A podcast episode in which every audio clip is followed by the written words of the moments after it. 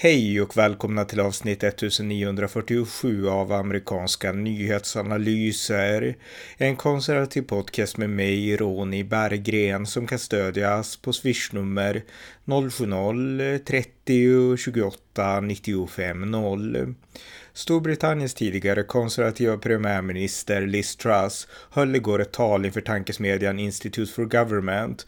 Det var Liz Truss första tal sedan hon lämnade makten för ett år sedan och hon talade om en ny konservativ vision för Storbritanniens framtid. Här ett klipp.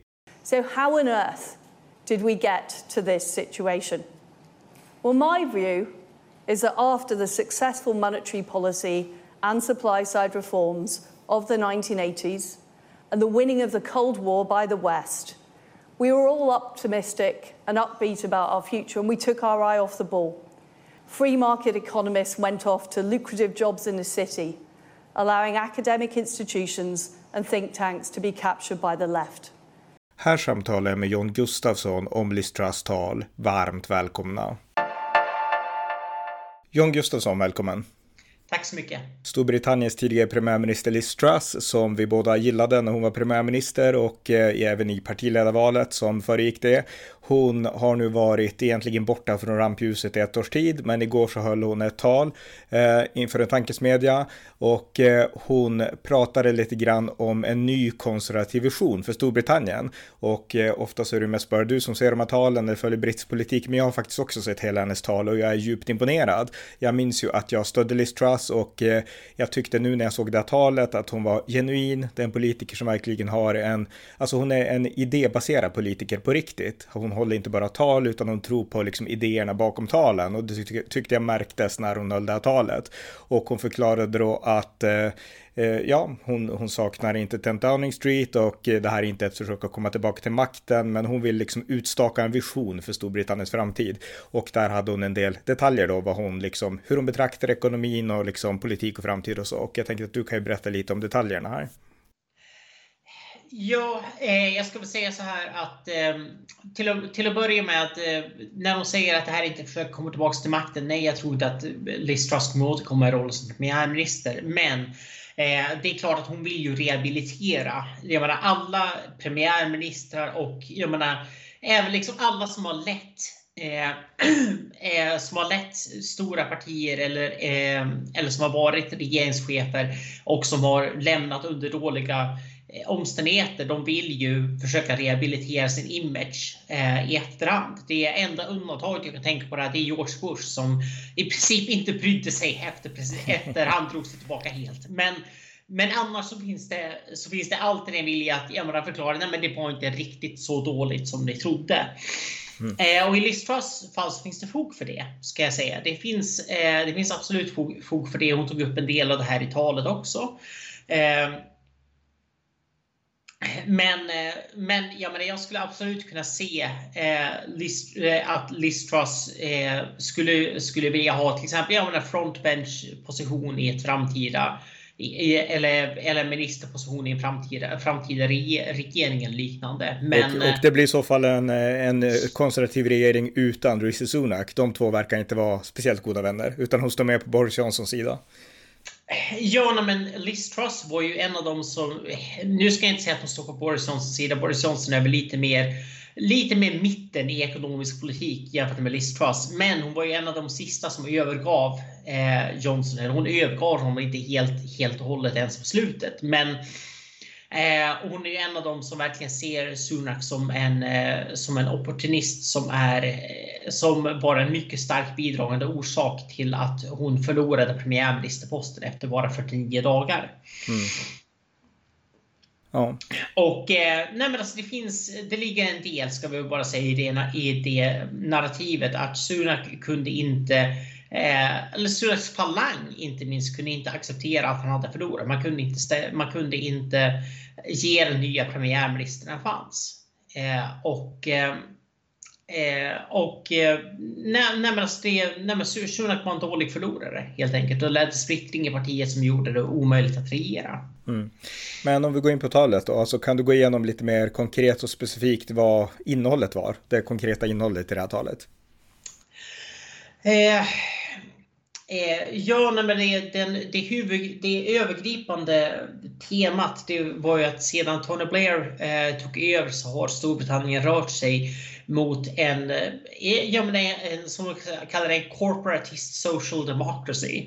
Eh, alltså bort ifrån, bort ifrån fria marknader, bort ifrån eh, eh, ans, eh, budget, eh, budget, eh, budgetansvar. Eh, nej men helt enkelt bort ifrån, eh, bort från sunda ekonomiska principer.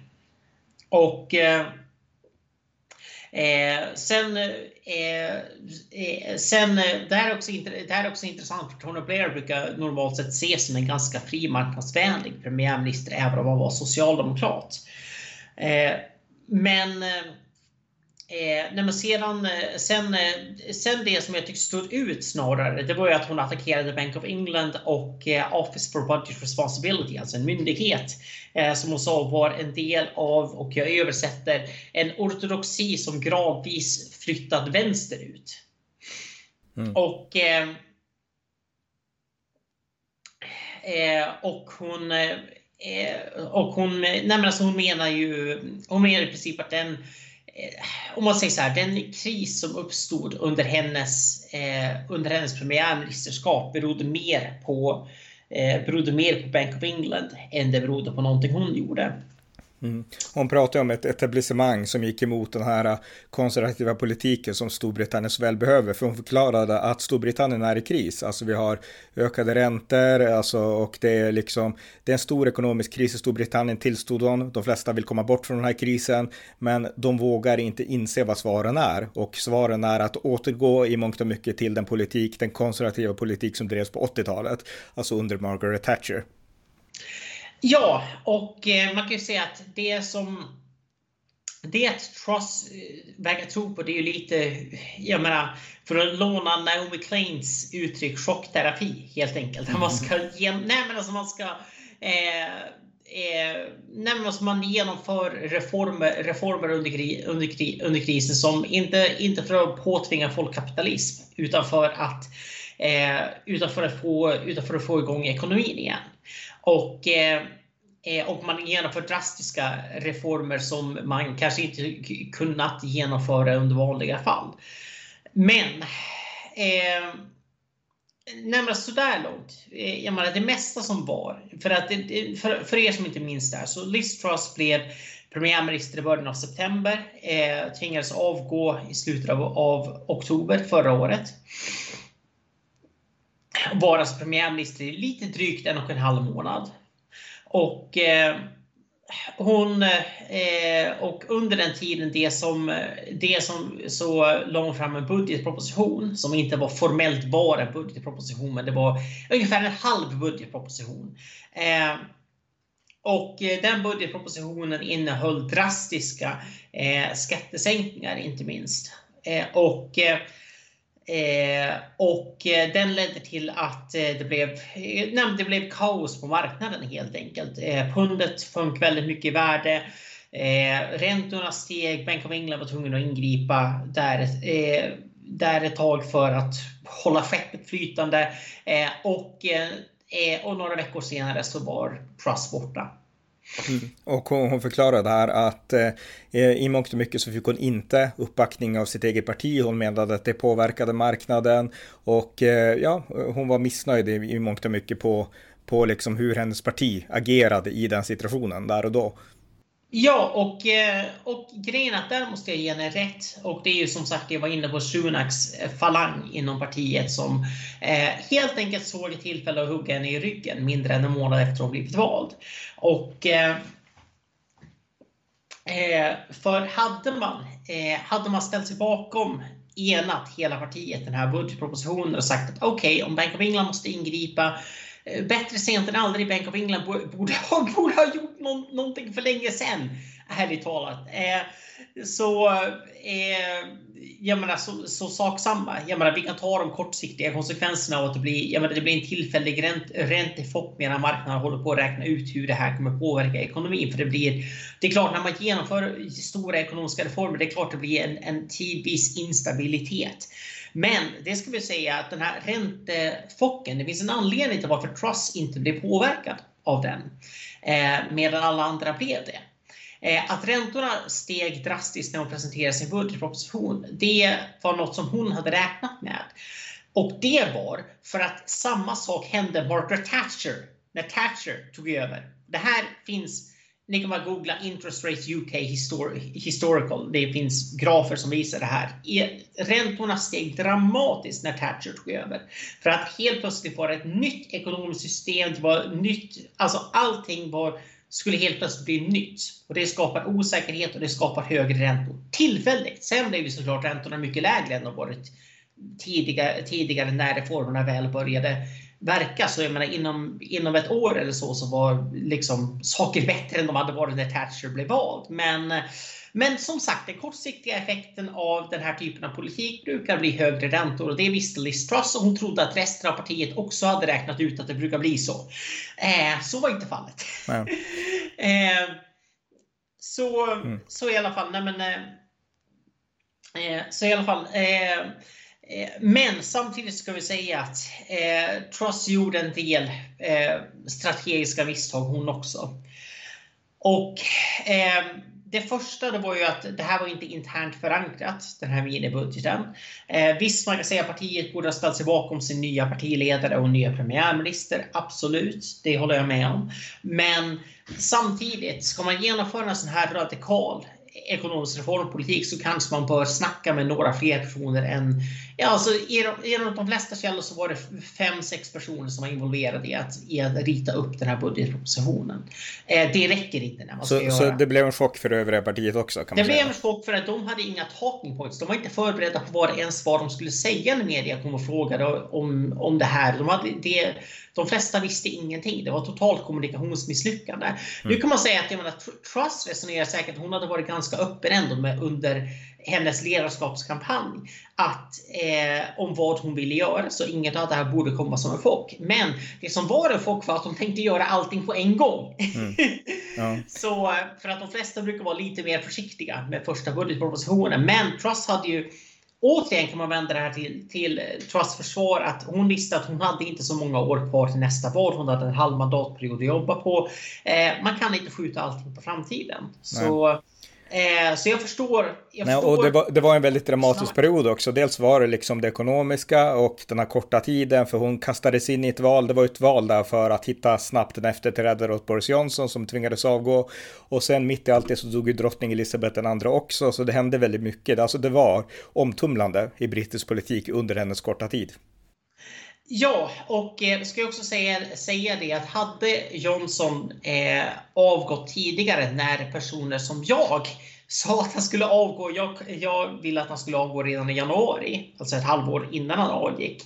Eh, om han hade avgått då, eh, då hade den här, eh, alltså nästa partiledare inte fått samma eh, panik så att säga. Och då hade man inte fått samma att ja, men vi måste presentera en budgetproposition om några, om några veckor. För det är det att Ja, Storbritannien, precis som Sverige, så brukar man presentera budgetproposition i oktober. Ja. Eh, så det, det var en ny regering som knappt hade någon tid alls på sig egentligen. Ja, precis. Och det, och det är grejen att vilken regering som helst som sätts i det läget eh, jag menar, det, det är ett väldigt tufft läge att komma in i. Det är bara så. Så hade man avgått tidigare och Trussell kunde ta över sig i mars, ja men då hade det funnits lite mer tid att förankra allting inom partiet och diskutera och göra kalkyler över vad som skulle hända med räntorna och vad som skulle hända med underskottet och, eh, och så vidare. och så vidare.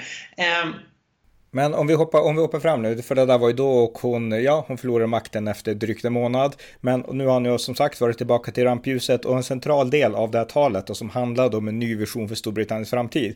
Det var att hon ville ha en ny eh, supply side revolution. Alltså det var ju den som eh, Margaret Thatcher drev på på 1980-talet och nu efterlyste Liz Truss en ny sådan som hon ansåg att konservativa måste förankra sig i förespråka.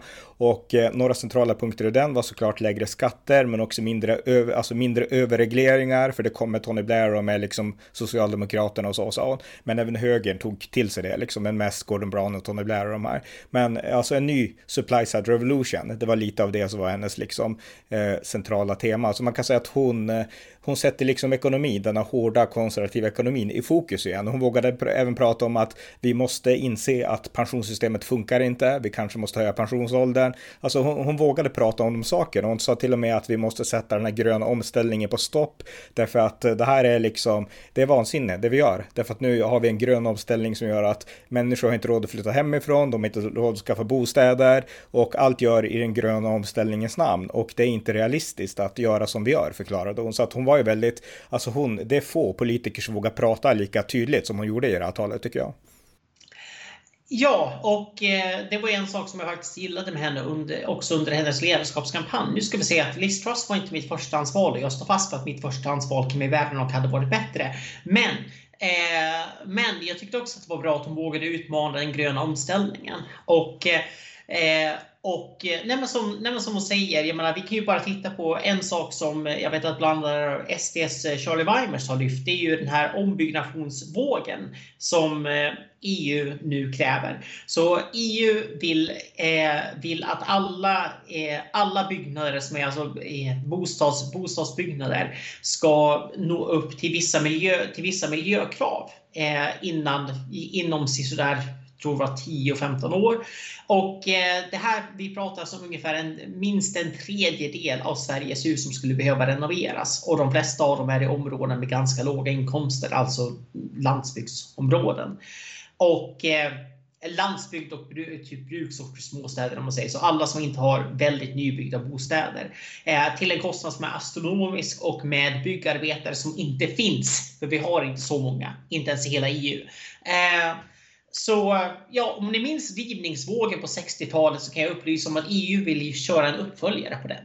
Mm. Eh, eh, nej men alltså bara en sån grej och det, och det, och det här kommer såklart göra att eh, ja, men när, när husägare får, får de här ökade kostnaderna, kostnader och när det blir dyrare att bygga hus så blir också husen dyrare, det blir svårare att flytta, att flytta hemifrån, det byggs mindre. Eh, nej men alltså det får en dominoeffekt som inte minst, som eh, Truss är inne på, drabbar unga vuxna som bara vill, eh, bara vill flytta hemifrån, inte bo hemma hos eh, morsan och farsans källare hela, hela livet. Men bra poäng, ja, därför att hon, det var bra att du nämnde det, just EUs nya policy som Charlie Weimers har tagit ton mot, men det Liz Truss presenterar, det är ju liksom den totala motsatsen till det EU förespråkar. Och jag menar, du och jag, vi har ju pratat om anglosaxisk politik i, jag menar, mer än tio år, och en av de stora skillnaderna mellan EU och den anglosaxiska världen, i synnerhet i Storbritannien, den konservativa anglosaxiska världen, det är att EU vill trycka på makt uppifrån medan den anglosaxiska vill bygga liksom underifrån. Och jag menar, i den här kontrasten kan man verkligen se det. Och hon betonade att om vi sätter stopp för den gröna omställningen med liksom höga energipriser och sådana saker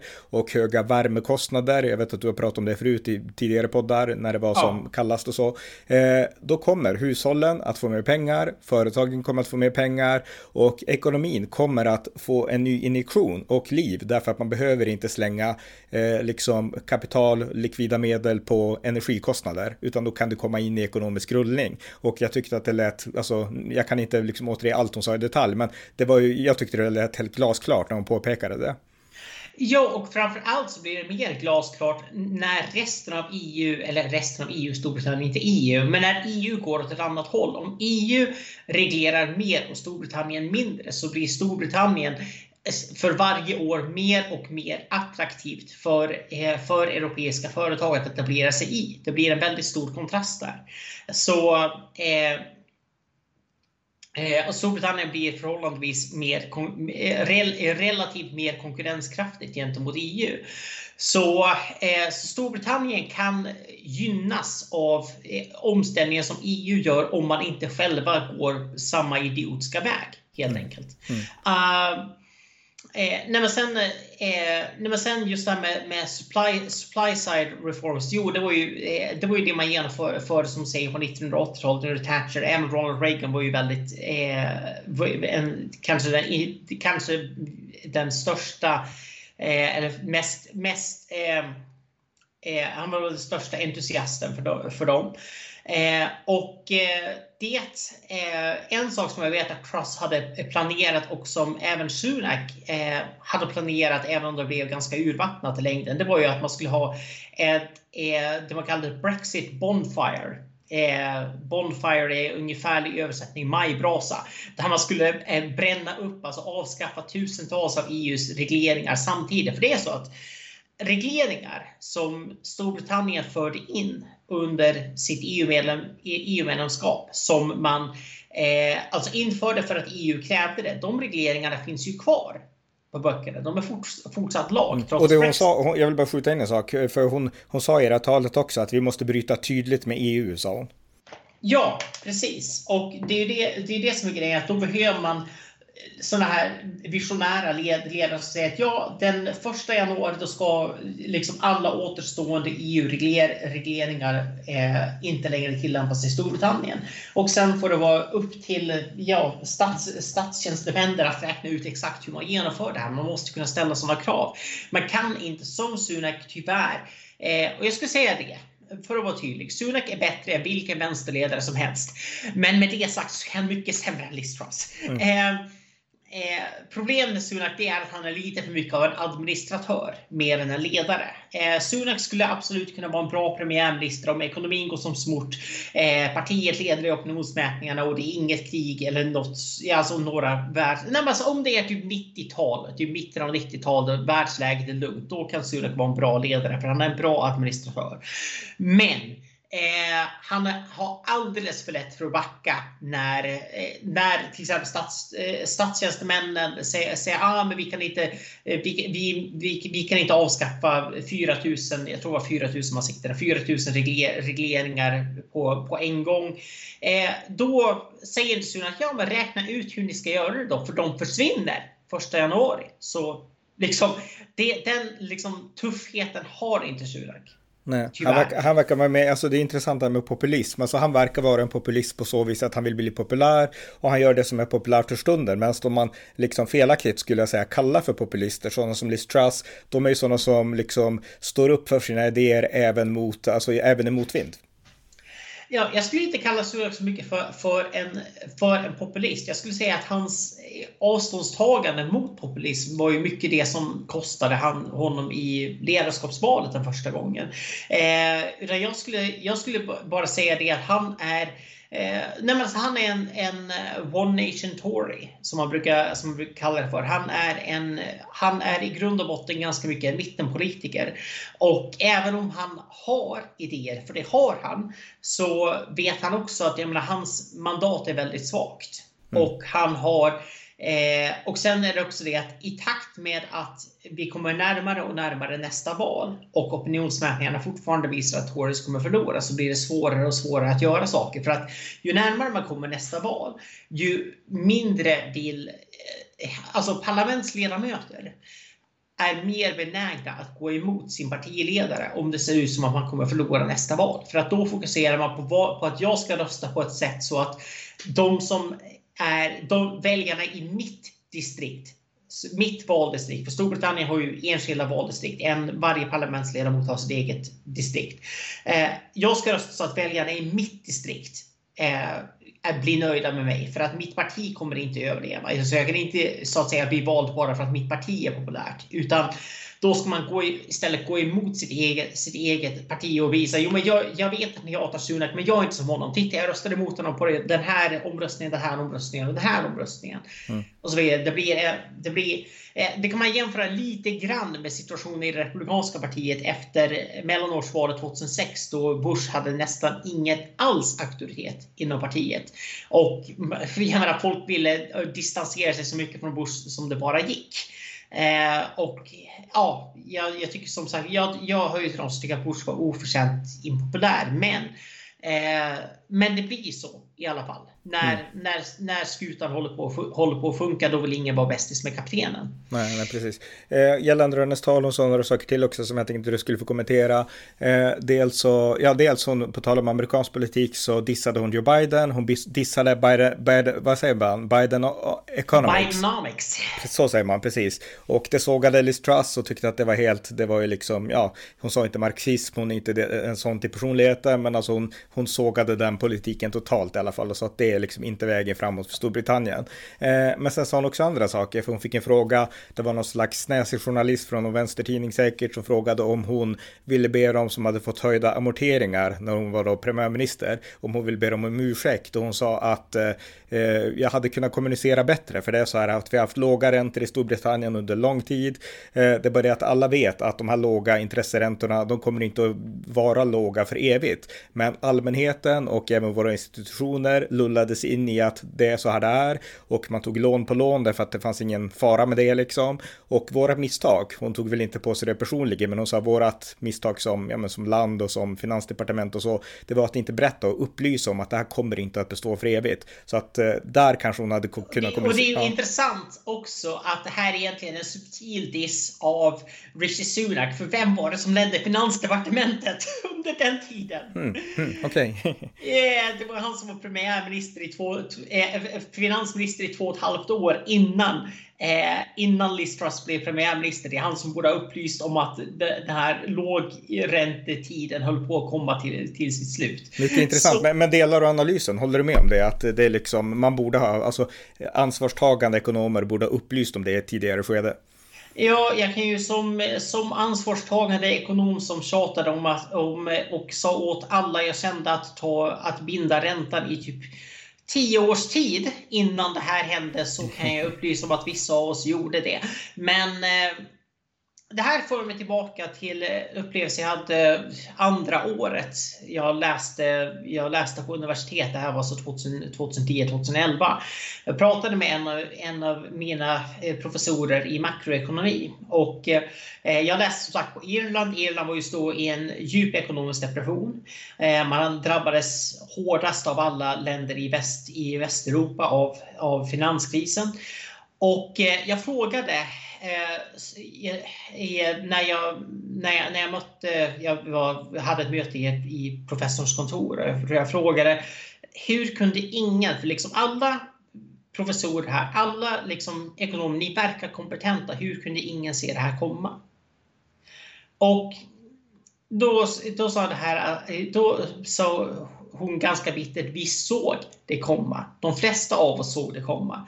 Men de som inte såg det komma, de fick konsultuppdrag av regeringen, de blev inbjudna på TV. Eh, de fick tala, tala på fastighets, eh, fastighetskonferenser. Eh, och resten av oss, vi fick undervisa andra årets kandidatelever. Mm. Men alltså, då måste jag skjuta in extremt intressant att säga det, därför att eh, Liz Truss i det här talet, jag ska säga att jag har sett mer än det, därför att jag har sett hela frågestunden också, det är därför jag kommer in mer än jag brukar i de här poddarna. Och eh, hon sa så här att det finns ett etablissemang som är emot den politik som jag önskar driva och som vi konservativa borde driva, alltså den klassiska konservativa Tory-politiken från Margaret Thatcher och framåt. Eh, det finns ett etablissemang som är emot den här politiken. Hon säger att det etablissemanget, jag underskattade kraften i det etablissemanget, så hon pratar pratade, hon sa ungefär samma sak. Alltså, hon pratade liksom om att det finns, det finns kända personer som är helt emot det här. De har sina egna skäl och sina egna agender och liksom så här. Men de är intutade i att våran politik är ond, den är fel. Och eh, det är de som kommer fram. Och det gör att det är så svårt att liksom gå mot strömmen i de här frågorna, sa hon. Ja, och det ligger det väldigt, väldigt mycket i. Och eh, vi skulle säga det att även Thatcher hade ju, hade ju det problemet. Men eh, skillnaden, och det var det här som jag vi säger också var en, en sak som jag tyckte var, var en anledning till att jag var skeptisk till Liz Truss som premiärminister eh, under ledarskapskampanjen. Det var att eh, Thatcher hade ett extremt starkt mandat. Hon hade blivit partiledare och sedan vunnit ett val. Så hon hade faktiskt, eh, jag menar, och hon hade vunnit stort dessutom. Så Eh, så hon, hade, hon kunde verkligen säga till sina ledamöter att vad ni än tycker om de här reformerna så är det tack vare mig som ni sitter vid makten och eh, går ni emot mig så ska jag se till att ni förlorar den. Mm. Så eh, det kunde inte Liz Truss säga. Utan Liz Truss var mycket, alltså jag beundrar hennes lojalitet. Så att säga. Men att hon stod så nära Johnson så länge, det gjorde att hon fick inte den här smekmånaden som nya partiledare brukar få. Hon såg sig inte som liksom en ny fräsch start. Det här, var, det här är en kontinuitet av Boris Johnson. Mm. Eh, och jag tror att det här också gjorde att många förväntade sig av hennes budgetproposition att det skulle vara mer lik Johnson. För både Sunak och Johnson är demand side politicians. Alltså hon är en supply side politician. Hon vill avreglera, avreglera hon vill... Eh, nej men helt enkelt. Hon fokuserar på tillgångssidan. Det finns tillgång och efterfrågan hon fokuserar på tillgångssidan, att minska kostnaderna för produktion för att på så vis minska, eh, för att på så vis minska priserna och därmed öka konsument, konsumenters köp, köpkraft och öka produktiviteten i ekonomin. Eh, och att göra, skapa incitament för, för innovation. Eh, på det, på det här viset genom, genom låga skatter, skatter för, för investeringar för företag eh, och, eh, och, eh, och inte ha så mycket byråkrati. Och på så vis, eh, på så vis ska skapa teknologiska framsteg som gynnar konsumenter. Jag hävdar ju än idag att utan Reagans politik så hade vi aldrig fått internet i dess nuvarande form. Eh, för att det var, det var mycket den avregleringen av, riskkapital, av riskkapital och riskkapitalinvesteringar som gjordes under 80-talet som gjorde det möjligt för ja, företag som eh, Microsoft, Ebay, Amazon, alla de här tidiga internetjättarna att få dem, det kapital de behövde. Som uppväxt på 90-talet så är jag mycket tacksam för det. ja. ja. jag är också tacksam för det. Eh, så eh, så, så i alla fall, medan Johnson, eh, Sunak eh, och många andra de hör till efterfrågesidan där man, eh, när man är helt för att sänka skatten vanliga, vanliga inkomsttagare och det är inte Truss nödvändigtvis emot.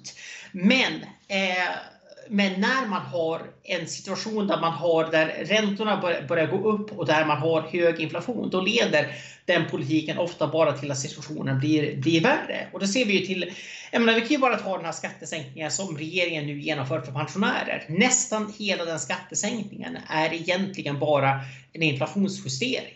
Alltså det äts upp helt mm. av inflationen. Eh, så har men, men får jag, får jag slänga ut en sidofråga här då? Alltså det här är, det har inte exakt med hennes tal att göra, men många dissar ju liksom supply side economics, alltså från liksom 80-talet, Reagans politik och så, speciellt i USA. Jag kan inte så mycket om hur det har fungerat i Storbritannien, men i USA är det att man menar att det enda som hände det var att företagen vart rikare och vanligt folk blev fattigare och nu är liksom välståndet i USA koncentrerat till typ, ja men du vet, de här tio rikaste personerna ungefär. Alltså, stämmer det eller liksom kan man på något sätt, eh, ja, alltså, stäm, är det en fördom om den konservativa politiken eller, alltså du förstår vart jag vill komma? Jag tycker ju att folk folk kanske borde kolla på BNP-tillväxt 80-tal jämfört med 70-tal till att börja med. Det skulle kunna vara, jag menar, Alltså det här, man kan peka på anekdoter, personer som blev superri, superrika och, och personer som blev fattiga. Eller så kan vi titta på statistik. Arbetslöshet, tillväxt, jag menar, inflation, jag menar, räntorna typ halverades under Reagan. Jag menar, det blev, jag menar, och det trots att Reagan så ofta får den här eh, typ ja, med rasiststämpeln och så vidare och, och så vidare så skulle vi säga att det här gynnade framför allt minoriteter, etniska minoriteter i, i, i USA. Eh, alltså, nej men helt enkelt, Reaganomics fungerade. Och mm. ojämlikhet, relativ ojämlikhet, är typ det mest irrelevanta måttet på ekonomisk framgång som finns. Eh, senaste, senaste stämmer det att eh, att inkomster för, eh, för, vissa, för vissa, gru, för vissa grupp, grupper, typ inom manufacturing, eh, de, eh, de växte inte under 80-talet. Men ser man längre tillbaka i statistiken så ser man att de växte inte under 70-talet heller. nej men alltså från mitten av 70-talet och framåt så var det... Nej men alltså USAs ekonomi var på dekis och Storbritanniens också. Eh, och det var efter en väldigt lång efterkrigskonjunktur då allting var frid och fröjd och sen började problemen, problemen hopa sig så hade man ett årtionde av stagnation och sen kom mm. Reaganomics och eh, Thatcherisms eh, och väckte liv i ekonomin så, igen. Så och ja, det var, det var ett stålbad, men det funkade. Okej, okay, men dit jag vill komma, så bara för att sammanfatta, så de här, den här kritiken, den, den stämmer inte, utan den här politiken som Thatcher drev i Storbritannien och Reagan i USA, den fungerade. Eh, ja, den, den fungerade. Mm. Och det är den som då Liz Truss vill återvända till på ett eller annat sätt i en modern version. Men det intressanta är ju, jag menar, det var ju mycket hårdare på den tiden på 80-talet, för det var vänstern betydligt mer vänster och högern betydligt mer höger. Sen gick ju vänstern till höger, jag menar under 90-talet, Tony Blair och alla de här. Och det Bill Clinton. Något, ja, precis, ja, verkligen Bill Clinton också. Det på något sätt gjorde också att eh, högern tog på något sätt, de slappnade av och eh, det är det som på något sätt har lagt upp de problem som vi har nu. Därför att det som hände det var att vänstern var inte längre emot de privata företagen, vilket de var på 70 80-talet, utan nu allierade de sig med dem. Eh, och eh, då uppstod det nya problem ungefär och det är de problemen som Liz Truss det, menar. Att, det skapade ja. ett, ett politiskt slash näringslivs, jag menar, crony, crony capitalism som man säger i USA. Ja, men, mm. ja, men ungefär. Och mycket av det här berodde också på EU-medlemskapet, ska vi ju säga. Mm. Just det. Mm. Så, eh, men däremot ska, ska vi säga, men en sak som jag vet inte om Truss har insett det här ännu. Men, och jag skulle säga att jag hörde till, jag skulle säga att jag är precis lika efterklok jag. Men för jag föreslog inte det här då när, när saker och ting skedde. Men det Truss skulle ha gjort så här i efterhand. Det var att utlysa ett nyval. Mm. Och då menar jag före budgetpropositionen. Mm. alltså så fort hon blev partiledare så skulle hon ha utlyst ett nyval. Och sagt jag vill ha mitt eget mandat att regera på och jag vill ställa min politik mot Starmers politik. Just det. För, eh, för, för, att knyta Tory-ledamoterna till henne då liksom? Ja, och för, och för som sagt för att få ett eget mandat för att knyta Tory-ledamöterna till, till, till henne. Eh, och, eh, och, för, jag menar, och för att det var vad en förkrossande majoritet av de brittiska väljarna ville. Det var ju det att de flesta brittiska väljare hade en ganska ljummen inställning till henne i början innan den här budgetpropositionen. Men de var svagt positiva. Men sen blev det Sen det faktum att hon vägrade gå till val, vägrade låta väljarna utvärdera hennes politik och möta, möta Labour. Mm. Det var ett otroligt stort misstag. Jag, jag kan bara skjuta in då för de som har glömt att det som hände det var ju alltså Liz Truss fick ju inte makten i ett nyval utan de fick makten för att Boris Johnson var tvungen att lämna på grund av de här coronaskandalerna och allt annat. Och då behövs det intern partiledarstrid inom Tories så att det var Tories som helt enkelt valde en ny partiledare. Och ja, hon blev och vi kan säga att det är så det går till i Sverige också. Magdalena Andersson blev inte vald genom något val. Nej, och hon blev alltså blev Nej, och Liz... Hon blev statsminister för att hon blev partiledare. Ja, exakt. Så Liz Truss blev alltså, exakt, hon blev liksom premiärminister då för att hon blev partiledare. Så det var inte folkets men, val utan partiets men val. i Storbritannien så finns det en tradition som säger att om du blir premiärminister för, för att du blir partiledare så ska du snarast möjligt utlysa ett nyval. Mm. Och gör man inte det så får det allvarliga konsekvenser för partiledarens popularitet. Fråga Gordon Brown. Eh, så, eh, så Eh, så, så, så jag menar, det, nej, det var ett strategiskt misstag. Jag såg inte då hur stort det strategiska misstaget var. För Jag tänkte bara att Taurus ligger under i mätningarna. Just då var det 6-7 procent ungefär i de flesta mätningar man låg under med. Men grejen är det, Taurus är så bra på att kampanja. Jag menar, vi ska ju påminna om det, det var ganska jämnt, hyfsat jämnt i mätningarna inför valet 2019 när det valet pålystes. Mm. Och det blev en jordskredsseger för Tories. För att Tories brukar alltid, jag menar även när man förlorar så går det alltid bättre än, än opinionsmätningarna säger före valkampanjen. För att man har en så otrolig kampanjapparat och man är så bra på kommunikation. Eh, och man har, nej men alltså, Tories har lite samma ställning på det viset som Socialdemokraterna i Sverige. Man har så många volontärer, man har så många, man har man är utbredda precis överallt. Så man, har, man kan verkligen få, få, få folk till valurnorna. Mm. Eh, så jag menar, även jag menar, Tony, Blair, Tony Blair till exempel, han vann ju med 12-13 procent som jag minns, som jag minns det var en segermarginal. Under mandatperioden hade han lett 25 procent. Mm.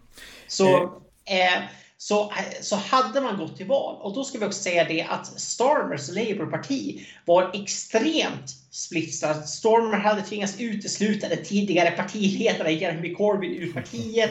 Eh, man hade en öppen strid med, med vänsterfalangen. Nu ska vi säga att Starmer har vunnit den, den striden, men då, då var det verkligen så. Starmers position var svag mm. inom Labour. Han hade inte något eget manifest. De var inte förberedda på att det skulle bli något, något nyval eller någonting man tog för givet att Tories skulle vilja ha sin majoritet, eh, sin, sin stora majoritet i parlamentet så länge som möjligt. Jag menar, det är klart, Torres hade tappat några mandat, säkert i ett nyval. Men jag tror i efterhand att han hade behållit en majoritet trots allt. Och, det, eh, och då, hade man, då hade Truss fått ett fräscht mandat. Tories hade kunnat behålla makten i, till 2027 istället för 2025. Eh, och man hade haft längre tid på sig att, så att säga rida ut den här ekonomiska, den här ekonomiska stormen. Mm. Ja, det blev inte så, men det var en intressant eh, avstickare där. Men okej, okay, hon målade upp en vision för framtiden, en ny konservativ vision för Storbritannien och jag tycker det var jättebra. Alltså det här, det här är ju i mitt tycke en eh, Margaret Thatcher light. Eh, så min fråga är, kommer de konservativa bli mer konservativa? För det är intressant också att hon betonade ekonomin så mycket. För jag menar just nu så är det mycket prat om inom konservativa kretsar kulturen, att det är det viktiga. Ekonomin var vad man pratade om förr kanske, men nu är det kulturen. Men hon gjorde liksom ett steg tillbaka. Nej, vi måste också tackla ekonomin. Det tyckte jag var intressant. Så att kommer det här på något sätt att eh, slå igenom i Tories och har Liz Truss någon fortsatt framtid inom partiet? Eh, ja, men anledningen till att man pratar om kulturfrågor, eh, det är ju för att eh, det är de frågor där, eh, där man står på väljarkårens sida, så att säga. Nej, men alltså där, eh, när det gäller frågor som de eviga transfrågorna till exempel, där är en majoritet av, de, av, av britterna tycker som de konservativa. Så det är klart att man vill ta upp det. Men jag håller med eh, Truss att eh, jag menar, det, i slutändan så är det kitchen table issues som kommer att avgöra val och eh, inte kulturfrågor. I alla fall inte när ekonomin ser ut som den gör nu. Så eh, däremot så tror jag att, eh, nej men jag tror att eh, Rishi Sunak kommer att leda Tories in i nästa, in i nästa val. Eh, om han inte väl, väljer att avgå självmant, men det tror jag inte att en person som är så pass får vi ändå säga opportunistisk och så pass maktgirig som Sunak ändå är. Det, jag ser inte att det händer. Eh, och jag ser inte att Tories skulle... Nej men alltså jag, jag ser inte, jag, jag har svårt att se att någon skulle, någon skulle utmana dem. Jag kanske, får, jag kanske får äta upp de orden, men jag, jag ser inte det. Utan eh, utan eh, de flesta i Tories är inställda på att vi kommer att spendera nästa mandatperiod i opposition. Och, eh, eh, och det är i sådana fall där när man, när man har förlorat nästa val så man kommer se den stora, eh, så att säga, en föryngring inom partiet och en, eh, och en premiär, och en, inte premiärminister, men en partiledare som kan återföra Tories till de thatcheristiska rötterna. Och jag vill eh, säga bara for the record, jag hoppas fortfarande på Kemi Baden och hon är fortfarande min favorit. Mm, ja, jag hoppas, hoppas väl på Liz Truss då i den mån jag nu tycker någonting här. eh, ja. jag, har inget emot, jag har inget emot Liz, Liz Truss, men jag, miss, jag skulle gärna se henne i en, i en, en framträdande, framträdande roll. Jag men, men, men, känns hon, men hon, är inte, hon är inte bränd i partiet, eller vad tänker du? Det finns fortfarande lojalister och det finns fortfarande människor som och det finns äh, växande falang som inte är nöjda med, med Sunak. Så det finns, jag menar hennes idéströmningar är verkligen inte brända. Och mm. det tror jag att, jag menar, nej, jag tror inte man återgår till Liz Truss som, som, partiled, som partiledare. Eh, hur orättvist det än var att hon tvingades bort så det tror jag inte kommer hända. Men eh, ja, Eh, men, där, men däremot idéströmningarna som hon tar upp i hennes tal, de tror jag kommer växa, växa sig starkare, inte minst eh, under en eventuell oppositionsperiod för Tories. Mm, håller helt med om det. Som sista fråga bara för ett, ett kul avslut då. Alltså hon, är, hon måste åtminstone ha större chanser att göra comeback än Boris Johnson. Eh, ja, det, annars finns det ingen rättvisa alls här i världen. Nej, men Boris, Boris, Johnson, Boris Johnson är väl jag menar, man kan ifrågasätta, jag, menar, jag förstår de som, de som tycker i efterhand att det hade varit bättre om Johnson inte, inte hade avgått överhuvudtaget om det. Men, men även om jag inte helt håller, håller, med, håller med om det. Nej, men det, det kommer upp nya saker om Johnson typ varannan månad minst i alla fall. Jag tror inte att det, nej, det, det, det, Liz Truss har en hel del bagage men Johnson har mer. Mm, ja, Okej, okay, men tack så mycket John. Tack. Tack för att ni har lyssnat på amerikanska nyhetsanalyser. En konservativ podcast med mig, Ronny Berggren, som kan stödjas på swishnummer 070-30 28 95 0 eller via hemsidan på Paypal, Patreon eller bankkonto. Skänk också gärna en donation till valfri Ukraina-hjälp. Tack igen för att ni har lyssnat.